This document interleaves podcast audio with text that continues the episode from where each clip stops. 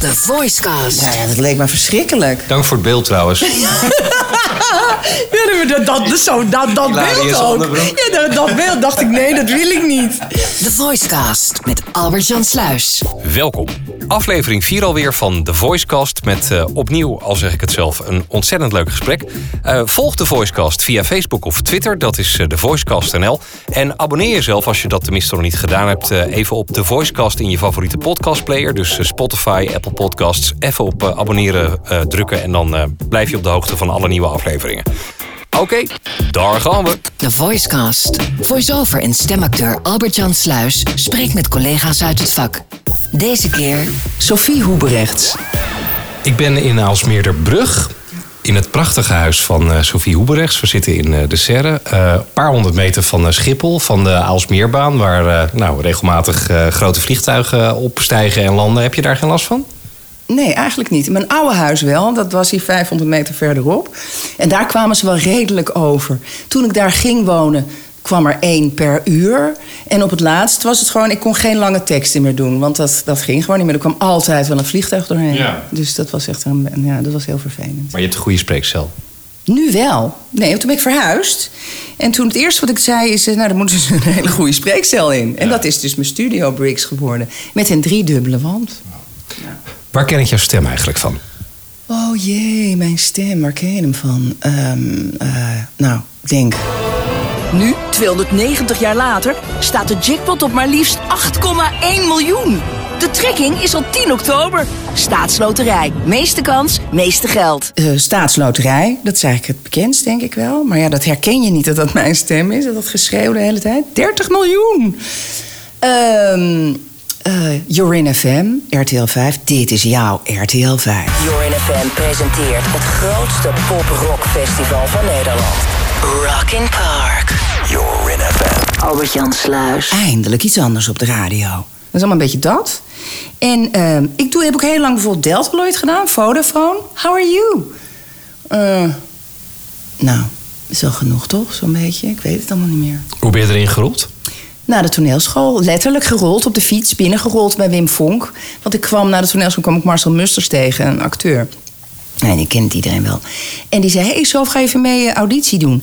En wat wel geestig was, is dat ik op de toneelschool ben afgestudeerd... met een beetje een matig op mijn stem. Want de stemjuffer vond nog dat ik een beetje, eh, ja, toch altijd dat heesje had. Terwijl ik zong al heel veel.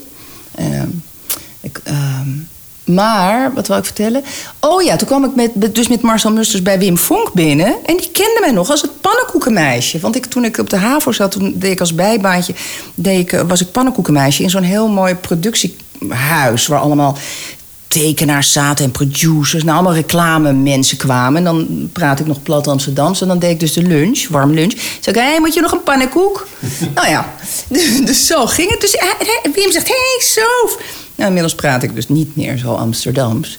En toen heb ik een auditie gedaan voor ehm Ballisto. Dat is anders. Vol natuurlijke granen, rozijnen en alles in een heerlijke melkchocola. Echt iets voor mij. Ja, Ballisto. Dat is anders. Oh. Knapperige biscuit met natuurlijke granen, rozijnen en hazelnoten in heerlijke melkchocola. Echt iets voor mij. En wij dan? Hey, zo, dat smaakt echt anders. Sterker nog, dat smaakt prima. Ja, Ballisto. Van nature anders.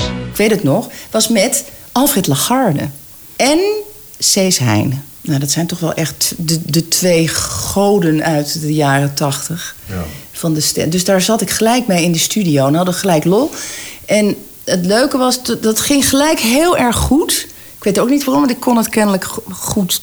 Ik moest dat nasynchroniseren, dus dat ging heel goed. En ehm, toen mocht ik al mee naar Parijs, naar de autosalon... met Alfred Lagarde. En Maar hoe zou dat dan? Ja, ik weet niet, dat ging... Hey, eh, kom mee. ja, ik weet het niet. Nee, we gingen daar inspreken. Dat was ook via die studio. En toen zei... Het was voor Renault. En toen zeiden ze, wil je even naar Parijs vliegen? Eh, en dan gaat met Alfred Lagarde en nog een stem die nou ik nou niet meer weet. En die Alfred Lagarde, daar heb ik zo vreselijk toen mee gelachen. Want die zei gewoon, oh, dan gaat mijn vriendin ook mee. En we vlogen natuurlijk gelijk business class of zoiets. En het was zo chic, want dan gingen we eh, naar een heel chic hotel. Dan gingen we eerst eten. Nou, gingen we allemaal kreeft eten met allemaal wijn. Maar ik was dus net van het toneelschool. Ik was denk ik 23.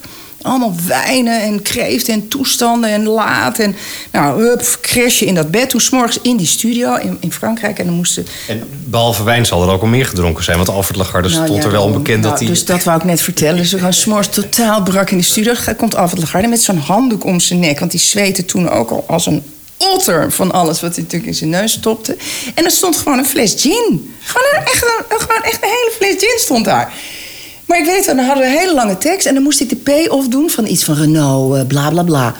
En dat, dat, dat zei ik gewoon, Alfred, doe jij dat eventjes? Want die hoefde alleen maar te Renault, bla en dan wa- was het goed. Dus die, die, ja, het was ongelooflijk. Maar toen gingen we dus weer lunchen met weer allemaal wijn en dingen. En toen gingen we vliegen. En toen heb ik dus over de baas van Renault heen gekotst. Dus dat was meteen je laatste klus. Nee, man! Dat, maar in die tijd was het ook... Toen ben je net geboren, maar dat was een hele andere tijd. Nee, ik weet het niet. Toen waren er ook nog gewoon niet, niet zo heel veel stemmen. Dus ze hadden het maar met mij te doen. Nee, ik, ik weet het niet, maar het was heel gênant. Maar ja, ik heb nog wel heel veel gedaan. Maar het, het, ik, het- ik- bizar, want je bent eigenlijk gewoon met je neus in de boter gevallen. Op dat, want het- begon meteen, het, het ging meteen eh, full speed. Totaal, Totaal. En, en ook op een manier die we nu niet meer kennen. Want wat jij vertelt, dat kan ik me gewoon niet voorstellen. Producers belden mij van in godsnaam koop een mobiele telefoon. Waarom ben je niet te bereiken? Ik ga nu voor jou een mobiele telefoon kopen. Zo ging het. Ja, dat is ongelooflijk. Cees Heijnen deed dan zijn jas open en die zei... kijk, ik ben altijd bereikbaar. Die had dus in die tijd had je piepers. En, oh ja, Alfred Lagarde die had een soort... Nou, dat, zou je nu, dat is nu in een museum. Die had zo'n ding, zo'n doos bij zich. Met, met een klep erop, zo'n haak. en daar zat hij in te kleppen. Dus die ging ook de hele tijd bellen. Die liep met zo'n hele koffer. Maar die had ook een fax in zijn auto. Kan ik me ook nog herinneren. Was hij heel hip. Had je een fax in je auto. Ja. Dan kwam de tekst gewoon binnenrollen. Ja, de tekst van binnen. Dat is eigenlijk wat Boet nu doet. Gewoon, die gaat dan, die parkeert in de straal van de, hè, van de wifi van een, van een studio. En dan gaat hij in zijn auto, spreekt hij in. En dan stuurt hij het via de wifi van, van, die, van die studio stuurt hij het naar zijn klanten. Ja. Ah, geweldig. Maar doen ze in Amerika ook allemaal, heb ik gezien. Dus Maar eh, toen kon je natuurlijk nog niet eh, thuis opnemen of eh, onderweg. Nee, heel lang wou, wilde ik dat niet. Nee, maar dan ben je dus in die tijd ook heel Nederland doorgereden, toch? En België. En België, ja. Een jaar. Maar dat, maar dat. Ik zat sowieso drie maanden per jaar in het buitenland. Want ik, maak, ik had ook een theatergroep. Dus ik ging drie maanden per jaar naar het buitenland. Ging ik ergens zitten in India of Nepal of whatever, Peru. En dan maakte ik een voorstelling over. En dan kwam ik terug. En dan kon ik zo, rolde ik zo de studio in. En dan namen we al- alles op. Ik deed Libressen, eh, CNA. eh, ik zat vijf keer in een blok, zes keer in een blok. Niet meer voor te stellen. Ja, dat ging maar door. En dan kwam ik Bram Bart tegen.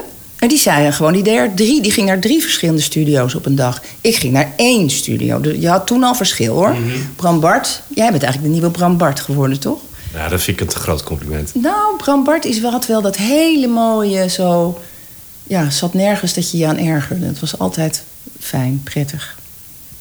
Maar of dat nu nog steeds zo zou zijn, weet ik niet. Hij is er helaas eh, niet meer. Ehm, over die, die jaren negentig, zeg maar, want daar heb je het nu over. Ja, die, ik ben die, eh, begonnen met Boet bij de tv. En we hadden ook zo'n oude, iets uit de hele oude doos. Was Veronica, was nog publieke omroep. En werden Boet en ik gevraagd. Dat is de eerste keer dat ik Boet ontmoette. Was ook, die was net afgestudeerd geologie. Of zoiets. En ik dus ook net van die school af. En dan zaten we ergens kwam bij, dus in een gebouw van Veronica. En dan zei ik, oh, ga je ook eh, inspreken? Ja, zei hij. Ik zeg, hoe doe jij dat? Hij zegt, nou, gewoon stug doorlezen. dat was zijn te stug doorlezen. En toen deden we samen, hebben we toen de hele sound, hoe heet dat? Vormgeving. eh, Ja, we deden het. Nou ja, wij, wij deden een, een of ander programma dat, eh, met, van David Bowie. Dat, hoe heet het? Changes heette het zoiets. Of changing. Ch- ch- changing. Dat is een, een hit van hem, ja. Ja, en het was dus een programma met allemaal rare onderwerpen. Mannen die hele zware dingen aan hun testikels hingen. En s- ja, heel raar. Dus ik durfde het ook niet tegen... Ik heb het ooit eens tegen mijn buren gezegd. Moest je kijken? Nou, ik durfde echt niet meer tegen me te praten. Maar dat deed ik met Boet in. Ja, zo ging dat. En dan zaten we met z'n tweeën en dan moesten we al die rare dingen zeggen. En dan tussendoor. En zo heb ik Boet leren kennen. Dat was hartstikke leuk. Ja. Maar dat groepje heeft Tessus natuurlijk ook belachelijk veel geld verdiend, toch? Ja, eh, ik denk het wel. Ja. ja, ja. En, dan, en dan deed jij nog maar één opdrachtje per dag. Ik deed nog maar één opdrachtje per dag. Dat ging eigenlijk al heel goed. Want ik deed, maar ik deed dus, omdat ik drie maanden weg was. En ik, en ik had een theatergroep. Dus ik kon ook heel vaak niet. Dus ik zei ook heel vaak, zoals Libresse bijvoorbeeld, heb ik afgewezen. Eerst zei ik, nou, dat doe ik niet. Ik ga geen maandverband doen. Voor stom. dacht ik, nee, dat doe ik niet. Ja, onbegrijpelijk. Waarom zou je geen... ma- Maar Nee. toen was maandverband, vond ik ook nog... Toen had je dat ook niet dat het de hele tijd op de tv was. Ik vind het zelf ook wel eens gênant. Zit ik met mijn zoons. En dan eten we. En dan zie je zo'n maandverband dat ik denk... Hé, moet dat nou de hele tijd? Maar goed, dat is eh, de nieuwe Maar nu doe je volgens mij een of ander middel waarmee je... ja, nog je... erger. Maar dat wist ik niet. Dat wist ik niet. Want ik zat in Griekenland toen die belde. En toen, en toen had, was ik net overgestapt naar een andere provider. Dus toen moest ik heel hoorde zuinig. niet goed. Nee, nou, ik was heel zuinig. Dus ik zei, wat, wat?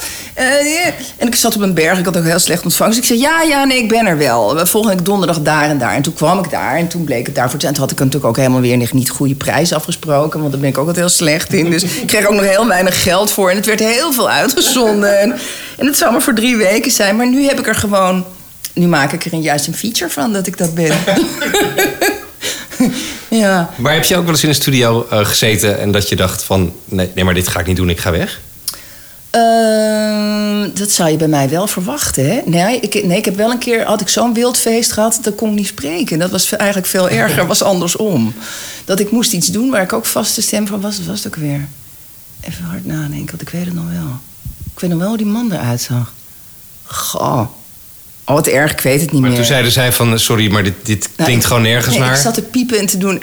En ik, ik weet nog dat ik het geluid moest maken. En ik dacht, nou, het gaat, het gaat gewoon niet komen. Want je denkt altijd nog wel van, als ik heel erg ontspannen, komt het wel. Maar het kwam gewoon niet. En dat is ook wel heel erg gênant. Zitten er al die mensen daar van iets wat ik dus vast deed, wat ik niet meer weet. Holland International of zo? Of Neckerman? Ik weet het niet meer. In ieder geval, het lukte niet. Maar mocht je wel terugkomen later? Ja, ik mocht terug. Dat was in die tijd mocht je gewoon nog terugkomen. Nee, want nu, want eh, oh, oh, ik, had dat Sanex bijvoorbeeld. Dus ik ging op vakantie drie weken geleden. En toen dacht ik, ik neem niks mee. Ik ben zo klaar mee. Ik had echt hard gewerkt. Ik dacht, neem een microfoon. Want ze zitten daar de hele dag die krekels. En dan zit je weer te zweten in een of andere auto. En hopen dat je de krekels niet hoort. Dus ik ga het gewoon helemaal niet doen. Ja hoor, dag één. Hallo, ja, we gaan een nieuwe Sanex opnemen. Wanneer kun je? We hebben een beetje haast. Het is een hele grote opdracht. Acht bumpers. God, god. Ver... Nee, ik zeg, chips. Ik zit net in Griekenland. Ehm, maar ik ben 2 augustus terug, riep ik nog heel hoopvol. En, ehm, oh, oh, oh. Nou, volgende dag mailtje. Nou, we gaan toch een andere stem zoeken, want eh, we, we hebben haast. Dus ik, pff, chips. Nou, nadenken. Niet geslapen die nacht. Want ik weet, ja, dan ben je het gewoon kwijt. Ja. Voor jou tien Ja. anderen, Ja. zo werkt het. En je wil geen nee zeggen eigenlijk. Nee, zeker niet tegen Sanix.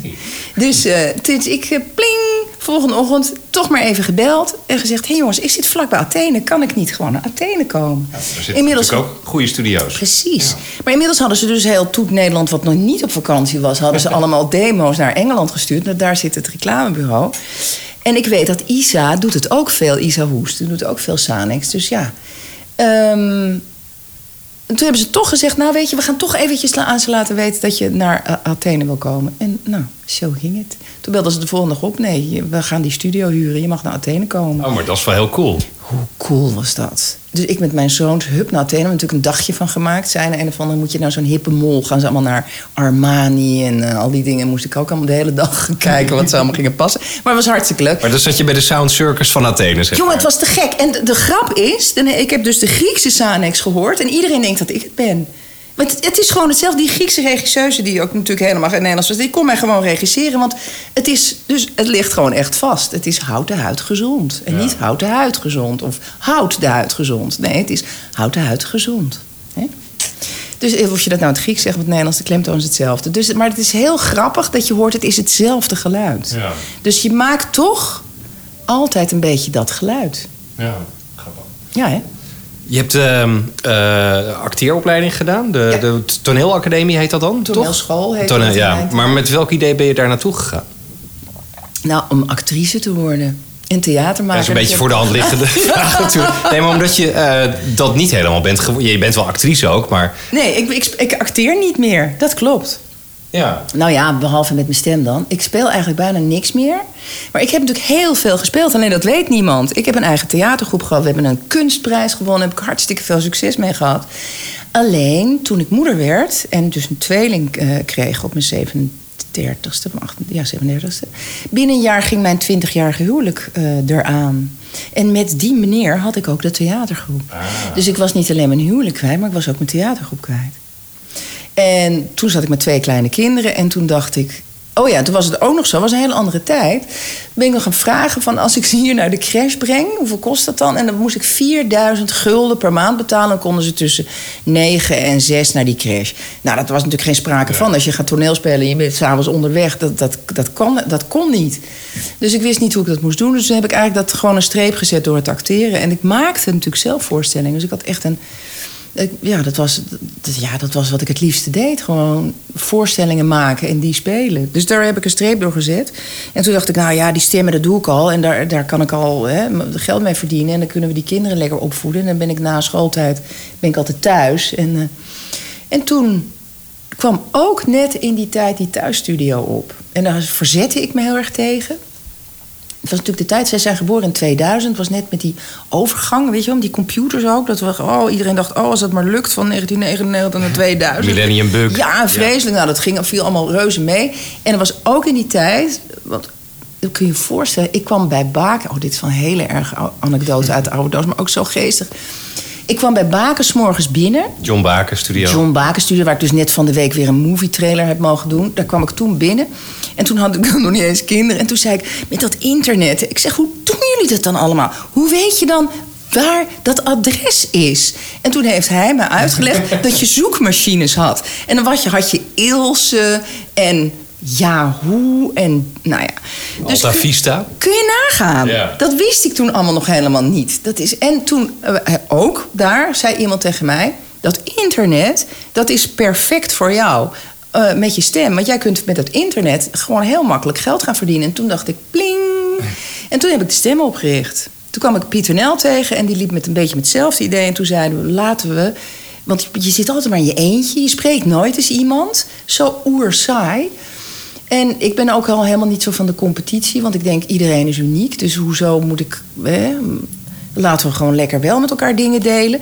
En eh, ja, dat is gewoon een hartstikke leuke club geworden. Maar de stemmen zijn acht jaar geleden opgericht, toch? Of tien ik jaar? heb geen idee. Nee, langer. Ja, want je hebt het nu over het ontstaan van internet zo ongeveer. Of tenminste, Ja, dat, dat was 95, had ik mijn eerste mobieltje. En ook een computer. En toen wist ik dus nog niet hoe ik iets moest zoeken. Mhm. En dat heb ik toen gehoord, dat je dan zoekmachines had. Nou, ging de wereld voor me open.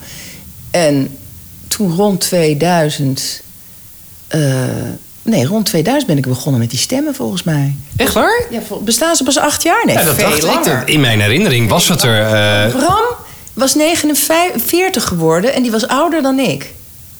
ja, en Bram is nu vijf jaar, zes jaar geleden overleden. Zeven jaar, denk ik al. En daar is Oren voor gekomen en daarvoor bestonden we al heel lang. Ik denk 2005 dan misschien? Ik weet het niet. Nou, in ieder geval heb ik het bij Baken gehoord en toen ben ik daarmee aan de slag gegaan. En toen wou ik ook nog steeds geen thuisstudio, want dat leek me zo'n horror. Want had Ilari een keer verteld, ja, zo relaxed zijn in je onderbroek zijn, dan kan je lekker al die teksten doen. Ja, ja dat leek me verschrikkelijk. Dank voor het beeld trouwens. Ja, dat, dat, zo, dat, dat beeld ook. Ja, dat, dat beeld dacht ik, nee, dat wil ik niet. Maar ja. En ik deed natuurlijk... Maar oh, en dat is eigenlijk een beetje wat ik wil vertellen. Ik was dus altijd bezig met theater maken en met die kinderen. Dus ik deed helemaal nooit acquisitie, want het kwam me allemaal aanwaaien. Dus, maar die anderen waren natuurlijk al die jaren lekker aan het bouwen, aan het acquireren. Die, die belden studio's en die hebben een heel netwerk opgebouwd. Terwijl ik, ja, ik heb gewoon twee kin- kinderen opgevoed en... eh, en, eh, en ja, een paar relaties uitgeprobeerd. en voor de rest deed ik niet zoveel meer. Nee, dus... eh, Mis je trouwens eh, niet die eh, creatieve uitlaatklep? Want als je, ik, ik kan me niet helemaal voorstellen, omdat ik, ja, weet je, ik zit niet in die acteerwereld en het maken van toneelstukken. Maar als je je eigen stukken ontwikkelt en schrijft en dat valt in één keer weg, je doet nu niet iets wat daar een beetje aan raakt of zo, toch? Nou, ehm, ik ben eigenlijk van buiten naar binnen gegaan. Zo zag ik dat zelf. Want toen ik, eh, dus toen ik die kinderen had... Oh ja, daar moet, ik wel iets bij vertellen. Toen ik op toneelschool zat, toen, zag ik dat die actrices zo rond hun veertigste... dat het werk ging afnemen. Dus ik dacht, oké, ik moet gewoon wel zorgen dat ik na mijn veertigste... iets anders erbij gaat doen. Ja, dat was natuurlijk deze tijd. Dus ik zat thuis met die kinderen en ik deed die stemmen. Uh, dus toen ben ik gaan studeren. Toen ben ik uh, uh, voor arts. Ben ik eerst twee jaar gewoon geneeskunde gaan doen. En toen ben ik Chinese geneeskunde gaan studeren. En vond ik super leuk. Want ik dacht, kijk, ik, het is eigenlijk hetzelfde. Want ik liep al stage daar in die kliniek. Je gaat ook, je bent ook met mensen bezig. Je bent aan het kijken hoe zitten ze in elkaar. Wat, weet je, waar stagneert het. Dat vond ik hartstikke leuk. Op een gegeven moment was het alleen ondoenlijk met en die kinderen. En had ik weer een moeilijke relatie. En uh, en dat inspreken, dat ging eigenlijk maar door. Dus, de, de, dus ik heb het net niet afgemaakt. Dat was ook omdat het op een gegeven moment heel moeilijk werd om nog vergoed te worden. Dus ik zag er ook niet helemaal het nut meer van in. Dus, maar toen ben ik gaan studeren. En dat vond ik dus wel heel erg leuk. En vanaf dat ben ik eigenlijk me steeds meer gaan verdiepen in, in dingen daarnaast. En dat, nu geef ik dus les op maandagmiddag. Dat vind ik heel erg leuk om het aan, aan jonge mensen te leren dat inspreken. En ik ben dus dat storytelling aan het doen. Wat ik ook heel erg leuk vind. Het is ook gewoon mensen begeleiden van... wat is je verhaal? Waarom vertel je het? Wat wil je vertellen? Aan wie? Ja, dat is eigenlijk ook Want allemaal... storytelling, dat, dat is dat uh, bedrijven naar je toe komen? Of? Ja, bedrijven. Het, is bijvoorbeeld, het kan zijn voor start-ups, voor mensen die voor zichzelf willen beginnen. Maar wat wil je dan precies gaan doen en hoe wil je dat doen en wat is je platform? Weet je, hoe ga je mensen trekken? Ga je dat op LinkedIn doen of ga je op de markt staan op een kistje? Of uh, ga je langs de deuren? Dat, dat kan op allerlei manieren. Um, uh, en dat kan natuurlijk voor het bedrijfsleven ook. Dat je mensen wat meer uh, kunt motiveren van waarom ze iets doen. Mm -hmm. Daar gaat het heel erg Maar dat zit een beetje in de consultancy-achtige hoek dan? Of? Marketing, maar ook ja, wat ik eigenlijk doe is, is adem. Het klinkt heel vaag, maar het is ademen. Dus gaan lekker allemaal weer ademen en gewoon ontspannen en dat het goed is. En daardoor krijg je heel veel ruimte in jezelf. En als er ruimte komt, dan is er dus ook ruimte voor nieuwe dingen. Dus je moet eerst ruimte krijgen. Nou, ik ben een beetje van de ruimte en het voelen. Zit je dan ergens in een uh, kantoortje met allemaal mannen? Ook. Ik ja? heb hier het laatst twee artsen gehad, twee vrouwen. En dan, dat was één dag. En die hadden echt een hele specifieke vraag. Die wilden allebei een filmpje, zeg maar van anderhalf minuut, voor hun banner voor, of, of op Facebook. Gewoon om, om, voor hun patiënten. En uh, daar hebben we een dag mee gewerkt. Heb ik eerst gewoon, zeg maar, via met yoga, met adem, met je, en dan gaan we dus met het waarom aan de gang. En dan de middag was het verhaal. Dan vertellen ze echt hun eigen verhaal in anderhalve minuut. En dat nemen we dan op. Maar kan het niet zonder die yoga aan het ademhalen? Want nee. Dat is voor mij dan altijd de hoek waar ik liever wegblijf. Weet ja, je wel? dat snap ik. Ja, zei ook. Maar dat is heerlijk. Ik zeg ook al hele rare dingen. Dat ze ook moeten lachen en zo. Want het is natuurlijk heel raar dat mensen allemaal moeten gaan zitten en opeens moeten gaan ademen. Maar het moet wel. Ja, maar, ja, maar is dat echt een voorwaarde om ja. tot dat verhaal te komen? Ja, maar je kan het gewoon met elkaar gaan zitten en nou, wat doe je? Ja, wat we... het wordt een heel cerebraal verhaal. Dat heeft helemaal geen connectie met je, met je emoties. Okay. Nee, het moet vanuit je intrinsieke verlangen komen. Hè? Dus het moet vanuit. Nee, kijk, mensen die dat willen leren, die zijn dus ook op zoek. Die zijn op zoek, maar wat wil ik dan precies? Wil ik dan de marketingkant op of wil ik. Hè? ik we hebben allemaal verschillende mensen. Maar dat moet dus, je moet het echt kunnen voelen. Van wat wil ik dan? Als je in je hoofd blijft, heel veel mensen weten helemaal niet wat ze willen, omdat ze in hun hoofd Nee, maar dat, dat snap ik wel. Want ik, ik, ik er zijn heel veel mensen die uh, iets doen, maar eigenlijk niet goed weten wat ze nou precies doen en waarom ze het doen. Ja. En, maar ik denk zelf niet dat je dan, uh, weet ik, valt yoga aan ademhalen. Nou, en... adem, laten we verkeerd yoga, Ja. dat doe ik niet. Ik doe ademen. Nou, ga maar eens lekker drie keer, als je bij het stoplicht staat, drie keer even heel diep uitademen. Zo. Nou ja, je doet dat drie keer en je voelt al gelijk dat je denkt: hé, verrek zeg, wat een ruimte. En je merkt ook vaak, zeker eh, mensen die er ergens tegen aangelopen zijn, dat die adem omhoog is gegaan. Ja, ik geef daar natuurlijk les in. Die adem Het klinkt, omhoog. klinkt wel als een goede stemoefening voor eh, stemacteurs. Het, is- het is natuurlijk eh, fantastisch. Ja. Die adem omhoog. Kijk, er is geen foute adem, hè? die bestaat niet. Je, je kunt wel zeggen dat, dat je wat kleine ademhalingen hebt, bijvoorbeeld. Dat je jezelf daarmee een beetje tekort doet. Dus je gaat voelen. Maar soms heb je jezelf een beetje op slot gezet. Om een bepaalde reden. Daar is natuurlijk een reden voor dat je op slot zit. Dus met dat ademen kun je dat voelen van... hé, hey, verrek zeg, dat, gaat niet, het zit een beetje op slot.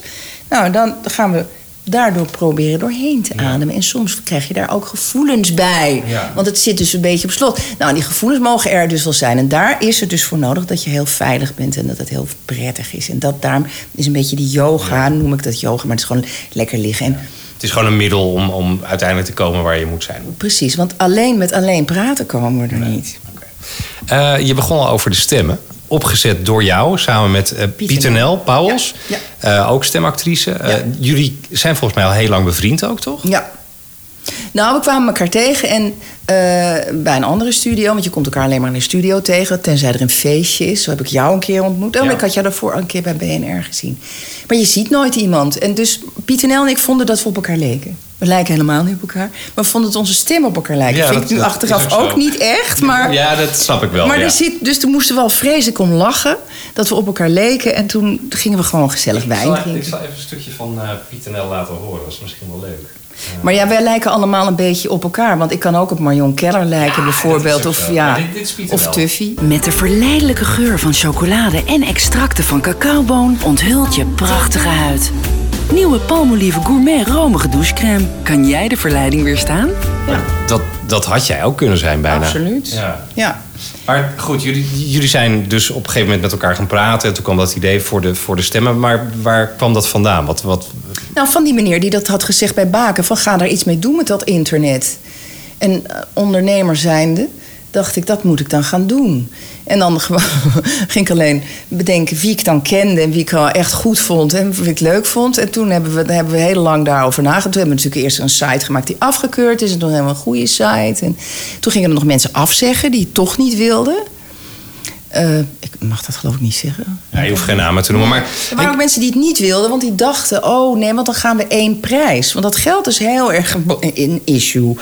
Maar dat was helemaal de bedoeling niet dat we onder één prijs gingen werken. Het was meer de bedoeling dat we makkelijk vindbaar waren. En, ehm, eh, en dat je gewoon gezellig met elkaar wijn gaat drinken en een beetje kletst af en toe. En dat, dat Ja, ik kan me wel herinneren toen eh, jullie begonnen met de stemmen... dat daar best wel wat eh, gedoe om was in, Ja, in, in, in ik heb dat niet helemaal Maar jullie waren ook de eerste volgens mij. Inmiddels zijn er wel meer van, van dat soort er samenwerkingen. Nou, het ging om de woordkeuze. We hadden gezegd tien van de beste voice-overs van Nederland. En dat viel fout. Maar er stond niet de tien beste, er stond tien van de beste. Ja. Nou ja, daar vielen mensen over. Nou ja, tegenwoordig zegt iedereen gewoon de beste. Dus dat, ik geloof dat we dat nu inmiddels ook gaan doen. Of, want er zijn weer anderen gekomen, de voice-acteurs of de stemacteur, weet ik veel iets. En die zeggen gewoon de beste of ik weet het niet. Nou ja. Maar het maakt allemaal niks uit, want die site van ons is zo knetter verouderd. Die zal niet eens meer vinden, of ik weet het niet meer. Want we doen, kijk, want dat is het natuurlijk. Als het goed met je gaat, ga je daar helemaal niet zoveel tijd in beste- aan besteden. Dus ja, we doen er eigenlijk allemaal helemaal niks aan, behalve Maar- gezellig bij elkaar komen. Maar wat, wat voor voordelen heeft het jullie opgeleverd? Nou, dat, dat we hele goede vrienden zijn geworden met elkaar. Maar heeft het je ook... Want eh, Ja, als ik het goed tuurlijk. begrepen heb... is, is het ook eh, dat jullie elkaars netwerk een beetje openstellen voor elkaar, toch? Nou, nee hoor. Oh, ik dacht dat jullie gezamenlijke mailings deden of zo. Ja, dat doen we wel. Maar dan moest je bijvoorbeeld allemaal 150 eh, mailadressen aanleveren. dus niet, geen 3000 van Ilari, waar die Oh, Nee, dus 30 dat- jaar aan heeft gewerkt. Dan doe je de 150 eh, klanten met lokale spotjes... waar je de minste opdrachten van hebt nou, gekregen. Ja, ik weet niet iets. Maar ik vind het ook volkomen los. Kijk, Eli heeft inderdaad gewoon jarenlang geacquireerd. Waar- waarom zou hij dat zomaar gratis en voor niks met anderen gaan Ja. delen? Dus dat vind ik wel logisch. Dat zou jij ook niet doen, denk Nee. ik. Nee, Nee, maar dat- vind ik ook volkomen Nee, normaal. maar je, je klantenbestand is, is, is heilig. Dat is je, ja, je goud. Ja, maar dat had ik natuurlijk wel op gehoopt, want ik had natuurlijk niks gedaan. Dus ik hoopte dat zij allemaal met die grote pot zouden komen. Dat was niet zo. Dat was even jammer. Boven, nee, nee, nee, sterker nog, ik kreeg natuurlijk op mijn kop dat ik dat nooit deed. Zo, nou, nou is mijn iMac gecrashed in december, waar dus eindelijk mama. Dus heb ik, ben ik het als weer Geen kwijt. backup? Nee. Ah, ik dacht dat het in de cloud stond, maar het stond niet in de cloud. Ik ben alles kwijt. Al mijn adressen, alles. Ook al mijn foto's, alles. Nou, als je al een tijdje geen mail van Sofie gehad hebt, eh mail er zelf even. En, en dan weet je, ik denk, het is de story of my life. Kan me echt helemaal niks schelen. Dan niet. Nee. Nee.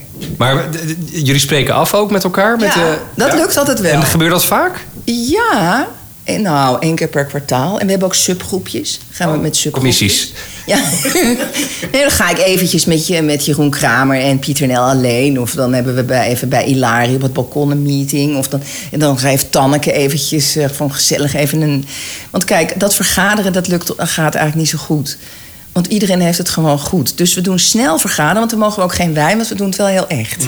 Dus dan mogen we dan doen ook notuleren en, eh, en, en, en een voorzitter en zo. Maar kijk, Boet moet er ook helemaal voor uit België Ja. komen. Dus, eh, dat, dus we hebben dan wel eens punten. En punten zijn altijd hetzelfde. Namelijk, gaan we de site vernieuwen? Zo ja, wie neemt dat op zich? Eh, stilte. Ehm, nou, dat kwartaal later is er weer niks gebeurd. Niks, nooit. Jarenlang niks gebeurd. Tot op een gegeven moment heb ik... Want ik ben uiteindelijk natuurlijk altijd de lul. Want ik heb toch nooit wat te doen. De twee kinderen in mijn eentje en vier banen. Want ik heb ook nog een B&B, hè. Oh, oké. Ook nog, ben ik ook nog mee begonnen. Vond ik ook hartstikke leuk. Maar eh, nee, dus nu heb ik de derde site. En die was weer niet goed. En nou, inmiddels, maar toen op een gegeven moment ging ik huilen. En toen heb ik gezegd, nu moet iemand anders me helpen. En dan is Jeroen altijd heel lief. En dan zegt Jeroen, ik doe het. Nou, dus Jeroen heeft het nu weer op zich genomen. Maar ik deed het samen met Ilari. Nou, en dat ging eigenlijk hartstikke goed. Totdat ik helemaal gek werd van die... Op een gegeven moment hadden we een half jaar nog niks. Toen zei ik, ik, ik, ik kap er nu mee. Want heb ik, dat lukt mij dan niet. Nee, maar goed, blijkbaar was de druk niet hoog genoeg. Of, eh, Nee. En eh, hebben jullie ook nog dingen van elkaar geleerd? eh, in, Ja, bijvoorbeeld om over websites te hebben. Wat er bijvoorbeeld is. Er is een, een Amerikaans bedrijf en die maakt speciaal websites voor voice-overs. En dat is helemaal niet duur. Kun je ook doen. Ga je gewoon, die hebben gewoon een soort format en dat is hartstikke handig. En, eh, dus dat kan ook. Nou, dat leer ik dan bijvoorbeeld. Want Boes, Ja, maar ook, eh, ik bedoel eigenlijk meer op het gebied van inspreken. Heb je... ook eh, je- technisch. ja, ik bedoel, heeft Boet jou iets geleerd? Heeft hij eh, Ja. jou de ogen geopend? Ja. Nou, we leren elkaar. want Af en toe wil je gewoon ook even een spiel. Maar dat mag dan in het rondje. Voordat de wijn open gaat, kun je er bijvoorbeeld vragen: jongens, ik zit een beetje vast. Wat vinden jullie van mij? En dan zeggen ze bijvoorbeeld: Sof, je moet wat minder krulletjes op het eind doen. Of ehm, eh, iemand anders zegt tegen een ander: de, iets minder nasaal proberen te zijn. Of, eh, of dan zegt eh, iemand: ik, ik heb een keer aan Boet gevraagd, laatst toevallig. Oh, dat was met dat filmpje. Toen- Nou, dat gaat meer in een complimentvorm. Dan zegt Poet van... ik vind dat en dat heb je heel goed gedaan, Sofie. Want daar ben je wat minder dynamisch en wat prettig om te horen. dus in plaats van dat hij de rest afzeikt, eh, zegt hij: Dit was heel goed, dus doe het voortaan zo eh, Ja. eigenlijk. Ja. En of je kunt het vragen, of je vraagt van... geef mij eens gewoon feedback. Ja. Maar dat valt niet altijd even goed. Nee, maar dat, dat, de ik bedoel, stemmen zijn natuurlijk wat dat betreft ook eh, hele gevoelige egootjes. eh, dus, maar het, het is wel leuk dat je dat in zo'n gezelschap eh, met elkaar kunt delen. Ben jij laatst naar die dag geweest van die ander? Want ik, ik werd gebeld door een stem, stemactrice... en die vroeg of ik naar een dag kwam... en dan gingen ze allemaal zingen met elkaar. Is een ander Nee, clubje? Een nee, ander nee, clubje? dat, dat- Iets met zingen? Nee, ik zie niet. Ik weet het ook niet welk clubje het was, maar iedereen kwam. Ja. Maar ik ging niet. Maar het, het, het is soms wel leuk om. Want Ja. het is een eenzaam beroep. Ja, daarom. Om vond wel, wel leuk. met elkaar iets, iets te doen. En eh, daarom snap ik ook dat de stemmen eh, eh, er zijn. Ehm, wat had ik nou nog vragen over? Ook was het groepje van Barnier, volgens mij. Zou dat kunnen? Heeft hij Ja, een die heeft groepje? vorig jaar iets gedaan. Ik ben wel bij Barnier geweest. Maar Nu was er weer iets bij iemand thuis en dan gingen ze heel veel zingen. Een weekend gingen ze een heel weekend. Hmm. Nou, dat is echt te veel. want Daar ben ik echt niet sociaal genoeg voor. Ik wil na drie uur altijd wel weer naar huis. Zo. Ja. Ja, hey, worden de stemmen niet te oud? ja natuurlijk. want Stokoud. Waar blijft de jonge aanwas? Eh, nou, die, die, dat, dat, dat is er allemaal al. Maar die hebben ons niet meer nodig. Die willen niet op, dat, op die oude veestapelkar eh, mee, eh, mee. Nee hoor, echt niet. Nee, wij zijn gewoon een vriendenclubje geworden. Maar Ja. nee, natuurlijk zijn we veel te oud. We zijn al lang ingehaald door jonge goden. Maar Nee, dat wil ik niet. helemaal niet zeggen. Dat, Nou, dat, is en wel nee, maar-. Nou, Maar dat ben, ingehaald, ingehaald. Ernaast, er is genoeg werk voor Ja. iedereen. nee, want ik bedoel, jullie zijn ouder geworden. Maar ik bedoel, iemand als Boet, weet je, ik- die kan volgens mij nog, eh, nog eh, 35 jaar mee. Weet je, Boet heeft, eh, dat mag ik best wel verklappen. eh laatst toen we bij Tanneke waren, een tijdje geleden, toen zei hij: Ik heb iets ongelooflijks gedaan. Eh, hij had drie audities voor nationale commercials in Amerika gedaan op één dag. En dat doen Amerikaanse stemacteurs niet eens. Dat was nog, zijn agent had gezegd: Ik heb nog nooit een acteur gehad die dit mag doen. En uiteindelijk heeft hij, geloof ik, Marlboro. De, een van de drie heeft hij dan ook nog gekregen. Gewoon een nationale commercial in in de USA. Ja, nee, Boet is gewoon ongelooflijk Ja. goed. Ik wil hem ook nog een keer interviewen trouwens. En dan wil ik hem ook wel eens vragen of hij misschien nog eens eh, naar Amerika verhuist. Nou, ik denk, hij werkt heel veel. En die Morgan Freeman loopt natuurlijk ook knettergoed. Herken de stem. Herken de stem. Herken de stem. Oh, oh, leuk, leuk, leuk, leuk, leuk, leuk, leuk. Ja. Ehm. oh. oh, ga je allemaal hele jonge mensen zeggen. Ik weet hun namen niet, maar ik ben er wel goed in, hoor. Nou, ik laat je drie stemmen horen. Eh, aan jou de vraag, eh, wie zijn het? Het is de eerste. Ben jij klaar voor een extra dikke bodem? Knapperig van buiten, luchtig van binnen en extra rijk belegd. Daar heb ik Jorin FM mee gedaan. Hij is van oorsprong Australiër of zoiets. Of een kiwi. Hij is iets. Hij komt oorspronkelijk ergens vandaan. En hoe heet hij ook weer? I don't know. Tim Gunter. Ja, nee, ja, ik weet het. En ik heb hem ook bewust ingedaan, omdat jij samen met hem de Ja. stem van Jorin Ja. FM was. Ja. Eh, wat een hele mooie combi was ja, ook gek was dat. Nummer twee. Ja, maar deze is gewoon echt heel erg leuk. En verkrijgbaar in negen kleuren en ook als automaat. Dan is er altijd wel eentje die bij me past. De nieuwe Mitsubishi Space Star. De allerleukste in zijn klasse. Jullie Marijn. Ja. Ja, zij heeft CNA van mij overgenomen. Oeh, dus, eh, zit... Nee, maar zij is dus mijn, mijn jongere, vind ik, weet je wel. Dus eh, ja, zo gaat het. En over een aantal jaar is zij weer vervangen door Tamara. Of, eh, Zie je haar echt als een jonger iemand? Want ik, ja, weet je, de, de, de- misschien... dat dus, dus- denk ik wel tien jaar. ja? Ja. Maar ja, voor mij zit je dan nog min of meer in dezelfde categorie.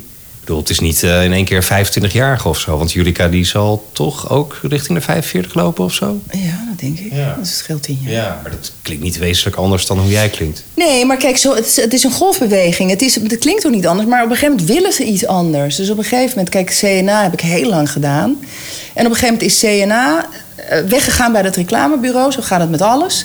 En dan gingen ze even helemaal geen reclame meer maken. En toen kwamen er opeens nieuwe series. En toen was Julika het geworden. Ja, zo gaat dat. gaat dat, Ja. You win some, you lose some. Maar we liggen een beetje in dezelfde eh, sfeer. Eh, dit is eh, nummer drie. Want op een volle accu rijd je niet alleen duurzaam naar de zaak, maar ook langs de super, de verjaardag van je tante, de oppasoma en de voetbaltraining. Die klinkt echt wel wat jonger, vind ik. Ja, maar volgens mij is het niet Anne Fleur Klinken. Ja. ja. Ja. Ja, vind ik ook stikgoed. Ja, heel goed. Ja. Hyundai eh, Ja. doet ze onder andere. Ja. Je had de staatsloterij al genoemd in het begin. Maar volgens mij is dat toch wel eh, de klus die in ieder geval de afgelopen 10, 15 jaar eh, wel heel belangrijk was eh, voor jou. En je doet het niet meer, hè, nu? Nee, de copywriter heeft gewoon mijn contract in één keer zo hup, naar zichzelf toegestroomd. Heb ik drie dagen over onderhandeld. Sorry, spreekt de copywriter het nu De zelf? copywriter van Kessels Kramer heeft het gekregen. En die heeft gewoon mijn contract. Ja, het is, maar heeft die gast ook even mazzel? Ja. Het is namelijk, Staatsloterij is een heel groot bedrijf. Dus die hadden heel veel producers en die hadden heel veel verschillende takken. Dus ik sprak... Ja, met ook andere loterijen tegenwoordig, Ja, toch? nee, maar ik sprak dus in, voor bij, in verschillende studio's voor verschillende producers. Want daar werden zeg maar het beeld voor op tv gemaakt en daar werd dat gemaakt. Dus op een gegeven moment, weet je, elk, ieder, dat was zo ingewikkeld. Dus op een gegeven moment heb ik gewoon tegen de staatsloterij zelf gezegd. Maar ik ben, ik ben twee keer weggehaald, hè. Ja. Twee keer hebben ze mij vervangen door eh, Alex Klaassen en door Roland Vernthout. Nou, en toen kwamen ze gewoon iedere keer weer terug. Maar ja, op een gegeven moment heb je het ook wel gehad. Maar het was zo snel wisselend bedrijf. Niemand wist eigenlijk precies hoe en wat. En op een gegeven moment wist ik als enige nog hoe het zat. En toen zei ik, weet je wat, laten we gewoon één contract maken. Jullie kopen mij gewoon uit. En dan hoef ik alleen maar die uren. En dan was, waren ze dus veel goedkoper uit, bleek. Want er zaten al die, die, dingen niet meer tussen. Ja. Dus nou, dat had ik geregeld. Maar heb ik wel drie dagen over gedaan. Want het, is, het zijn natuurlijk ambtenaren. En die moet je dan gaan uitleggen hoe, waarom mijn uurprijs zo hoog is. Want dat vonden ze echt natuurlijk absurd. Ja. Maar ja, ik zei, ja, maar ik werk maar zoveel uur per, per, per maand voor jullie. Dus dan is het inderdaad... Keer 40 zou je boven de balken en de norm gezeten hebben. Eh, wat is de balk en de norm? Nee, nee, nee, zoveel was het niet. Nee, maar het was wel eh, gewoon Ja. heel prettig. Ja. Heel prettig Ja, leven, ja. Alsof je hem zelf gewonnen had. Ja, nou ja, ja, ja, wel heel fijn. En ik vond het hartstikke leuk om te doen. En ik moest, ja. Ehm, maar eh, toen gingen ze weer naar een ander reclamebureau. Nu weer voor de derde keer. En toen werd ik gebeld door Kemna, of door Stemna. Van, eh, nou ja, we gaan je toch weer meenemen in die ronde. En toen hoorde ik al wie het had ingesproken, vond ik eigenlijk hartstikke goed. En het bleek dus een copywriter te zijn. Maar toen heb ik getekend, vandaar ik het weet, dat ik het, dat ik het bestaande contract zou overnemen. Maar dat was gewoon mijn eigen contract. Dus het was een giller. Ik ging Ja. betekenen dat ik mijn eigen contract goed vond. Toen dacht ik, zo, nou die gozer, die heeft mazzel zeg. Nee, hij heeft een heel leuk Ja. contract gekregen. En, maar wat ik wel merk, en dat is toch wel een beetje een pluim voor stemacteurs. Ik vind dat die jongen kan het heel goed zeggen. Alleen na drie keer kan ik het niet meer aanhoren. Want hij praat tegen mij. Ja, het is binnenkort weer de tiende van de maand. Jongens, nou, zo spannend, kinderen. Nou, we komen achter de vuilnisbak vandaan, hoor. We gaan het doen. Ja, het is, het is, hij doet kleutertje luister, doet hij. Iemand stel- Nee. Ik dacht dat ding gaat. Nee. nee. Dus ik vind het nu heel vervelend. Ik vind hem nu echt. En dan denk ik wel, kijk. Het is toch een vak. Maar zit daar dan ook nog wat, wat wrok? Helemaal Of- niet, nee. want ik was er ook wel klaar mee. Ja. Want weet je wat het is? Je bent altijd bang voor de sprong, hè? Je bent bang voor de verandering. Ja. Want je bent denk ik, oh, oh god, en straks houdt de staat zo te rijden mee op... en ik ben al CNA kwijt, ik ben dat ook kwijt. Oh god, en oh, hoe moet dat dan, dat en dat. En dan zit je eigenlijk met een knoop in je buik. Ja. Gaat die adem omhoog. en dan op een gegeven moment zeggen ze, we kappen ermee. En dan denk je zo, pff, nou, dat heb ik gehad. Ja. Dat is klaar. Ja. En je ziet, ergens gaat een deur dicht. Dit was dus een jaar geleden. Hoorde ik dat ze gingen ophouden. Houden, houden. En, ehm, en toen dacht ik, oh jeetje, en nu? En oh god, en die kinderen gaan studeren, en hoe moet het dan? En, eh, nou ja, en je ziet het. In oktober ben ik opeens gaan lesgeven op die United Pop. Blijk ik hartstikke leuk te vinden, dat lesgeven aan die leerlingen. En ik ben een B&B begonnen, want ehm, aan, die man is eruit. En die kinderen zitten op die kamers, dus er is ook geen, geen pest aan. Dus nu heb ik iedere keer, als ik dat wil, heb ik een leuk iemand aan het ontbijt. Ja. Dus ze komen dan, en dan, ik, ik doe het dus met ontbijt. Dus ik heb bijvoorbeeld net een Indische dame gehad een, uit India in het weekend. En daarvoor heb ik mensen uit Nieuw-Zeeland. En nou, ik heb van alles wat. En wanneer ik er zin in heb. En ik doe die B&B zo. Dan heb ik met mijn kinderen afgesproken, want dat gedeelte is gewoon vrij. Ze hebben een eigen terras, ze hebben een eigen badkamer. Je hebt helemaal geen, ze hebben een eigen deur. Ik zeg, "Wat- met die B&B vind ik leuk om te doen. En ik verdien gewoon het huis daarmee terug. Dus alle kosten voor het huis betaal ik met die B&B. Want die kinderen die, die, die zijn 18, dus die ja, betalen geen huur natuurlijk. En dat hoeven ze natuurlijk. Dus het is ook een heel prettig gevoel. Vandaar doe ik dat huis mee. Want ik ben natuurlijk toch echt een ondernemer. Ik vind dat leuk. Dan valt er wel wat druk van je schouders af. Ja, dat is gewoon geregeld. Ja. Dus de rest moeten we dan verdienen. En dat gaat eigenlijk hartstikke makkelijk. Dus het is ook helemaal geen probleem. Ik doe het echt omdat ik het leuk vind. Want ik blijk dus gewoon met dat inspreken nog steeds genoeg te verdienen. Ja. En. Sterker nog, dat ik dus die audioboeken nu heb afgezegd. Waarom dan? Omdat ik dat dus helemaal niet zo goed blijkt. Nou, ik kan het wel, blijkt. Hoe lang heb je dat gedaan? Anderhalf jaar. Ja. En hoeveel boeken heb je dan gedaan in die tijd? Eh, nou, daar gaat het dus op stuk. Ik denk vijf. Ja, zo is Diewertje Blok. Dat, dat- die gaat dus morgens die cabine in en die komt er na acht uur uit. En dan staat dat boek erop. Nou, ik ga na een uur, denk ik al... Oh, ik moet nu echt gaan grasmaaien. Of ik moet nu met de hond naar het bos. Of... Ja, maar ik, ik doe wel eens e-learnings van een uur, anderhalf uur. Maar dan als het klaar is, dan ben ik wel echt blij dat het weer Echt? gedaan is. Ja. Ja, dus je, daar moet je, je moet dus een. Dat ademen, dat moet je van nature. ik ben er gewoon veel te druk Ja. voor. En bij mij staat er ook non-stop iemand op die deur te kloppen. Van die heeft er een lekker band. Of dan staat er weer een buurman koffie. Of, er is altijd wat. Ja, dat, ik weet het niet. Je hebt Ik, er gewoon geen rust voor. ik heb er geen rust. Misschien ik komt ga het nog. liever met die bushmower inderdaad die tuin weer doen. En ja, Ja. als je inderdaad één e-learning doet... dan hoef ik niet acht uur dat boek te gaan Nee. doen. Het verdient hetzelfde. Ja, dat bedoel ik. Ja. Maar het is niet ook dat, dat, dat het te weinig verdiende. Maar ik, ik, ik kon het. Ik heb gewoon. En ik vond Anouk heel lief van Tini. Want ik heb dus uitgebreid met haar gepraat afgelopen maandag. En toen zei ze, heel lief, toen zei ze... maar we willen je niet kwijt, Sophie. Dus mogen we je dan vragen voor alles onder de tien bladzijden. en dat vond ik echt zo goed. Ik dacht, ja, dat is het. Ik wil gewoon niet meer dan tien bladzijden. Met e-learning ook. Ik heb wel eens gezien, je had eens iets gepost... en dan staan zoveel moeilijke woorden in een zin. Daar ben ik gewoon niet goed in. Oh, zo'n zo'n medische tekst. Ja. Dan ga ik op stuk. Dan ga ik huilen. Maar moet ik... Oh, kijk, Ila, dan weer over Elias. Maar Echt ik mijn beste jij hebt vriend. medicijnen gestudeerd. Ja, ja, inderdaad. Dat, daar, dat met speculums en zo specula, dat kan ik allemaal wel. Nee, maar allemaal die, die ziekte. Ik heb nu bijvoorbeeld net ingesproken voor Sanofi. Sanofi. Sanofi. Dulcosoft. Van Sanofi. Of is het Sanofi? Of is het Sanofi? Van Sanofi. Of van Sanofi. Sano. Ik weet het niet. Dus dat ben ik alweer twee dagen bezig om die uitspraak. Want dan vraag je me, kun je het even inspreken? Stuur het me dan op. En op een gegeven moment stuurde ze een YouTube-filmpje op van de CEO. En die zei het in het YouTube-filmpje werd het zes keer anders gezegd. Nou, dat is zoveel werk. Ja. Daar zijn we te verwend voor. Moet ik het allemaal gaan uitzoeken? Wat nou de goede uitspraak is? Dus eh, nee, ik vind e-learning dus leuk. Nou, ik Een kan beetje het- makkelijke onderwerpen. Ja, Ja, niet graag. al te ingewikkeld. Nee hoor, ik doe heel... Weet je wat ik dus... Dat is ook grappig. Dan dan ga ik gewoon weer terugkomend over de jonge eh, generatie. Want ik heb helemaal geen wrok. Want ik vind eigenlijk alles leuk. En eerst deed ik natuurlijk... Als je mij hoort van 25 jaar geleden... Oh, dat is Ballisto. Eh, of weet je maar... Nou, heel hoog raar stemmetje. Maar nu heb ik een andere stem. Dus nu word ik heel veel gevraagd voor hele mooie onderwerpen. Bijvoorbeeld heb ik... ehm, ik heb ik een, net een app gedaan met 20 verhaaltjes over als je kanker hebt en hoe dat is als je herstellend bent. En ehm, ik doe dus in heel veel medicijnen. eh, ik heb een hele serie voor ziekenhuizen. Dus ik kan dus nu juist mijn warmte en mijn inleving gebruiken voor De dat. betrouwbare, Ja. meer gevoelige onderwerpen. Ja. Ja. Ja. Is er nog iets wat je heel graag ooit eens zou willen doen? Iets waarvan je al jaren denkt van... nou, ik zou het wel heel erg gaaf vinden als ze me daar een keer voor vragen. Oh, wat erg. Ja, dat, weet je waar ik heel pist over was? Dat ze ik niet geworden was met, met zo'n corny tv-programma. Dat vind ik te gek. Dat was niet mijn... Een nacht met mijn ex. De, een, een nacht met mijn ex of zoiets heette het. Nou, dat had ik heel graag willen doen. Als voice-over. Ja, ja, ja. nou, Nee, ja. Nee, juist. Nee, gatsiba. Nee, niks met mijn exen. Nee, nee. Nee, de, de stem doen van zo'n, van zo'n programma. Weet je wel? En daar komt John. Zou Elise John terugnemen? Oh, of ja, weet je wel, ja. dat. dat. Dat acteren met die promo's. Want ik heb natuurlijk ook heel lang Fox gedaan. Ik vind promo's superleuk. Ik ook. Ja. Dat vind ik eigenlijk het leukste Ja. werk. Want dat is toch een beetje acteren. En je moet dan op die tijdcode zitten. Dus je moet ook nog heel erg je druk maken. Ja. Dat is toch veel leuker dan tien pagina's Absoluut. moeilijke ziektes Ja. inspreken. Ja, dus dat zou ik... En, en, en ook vooral zo'n programma.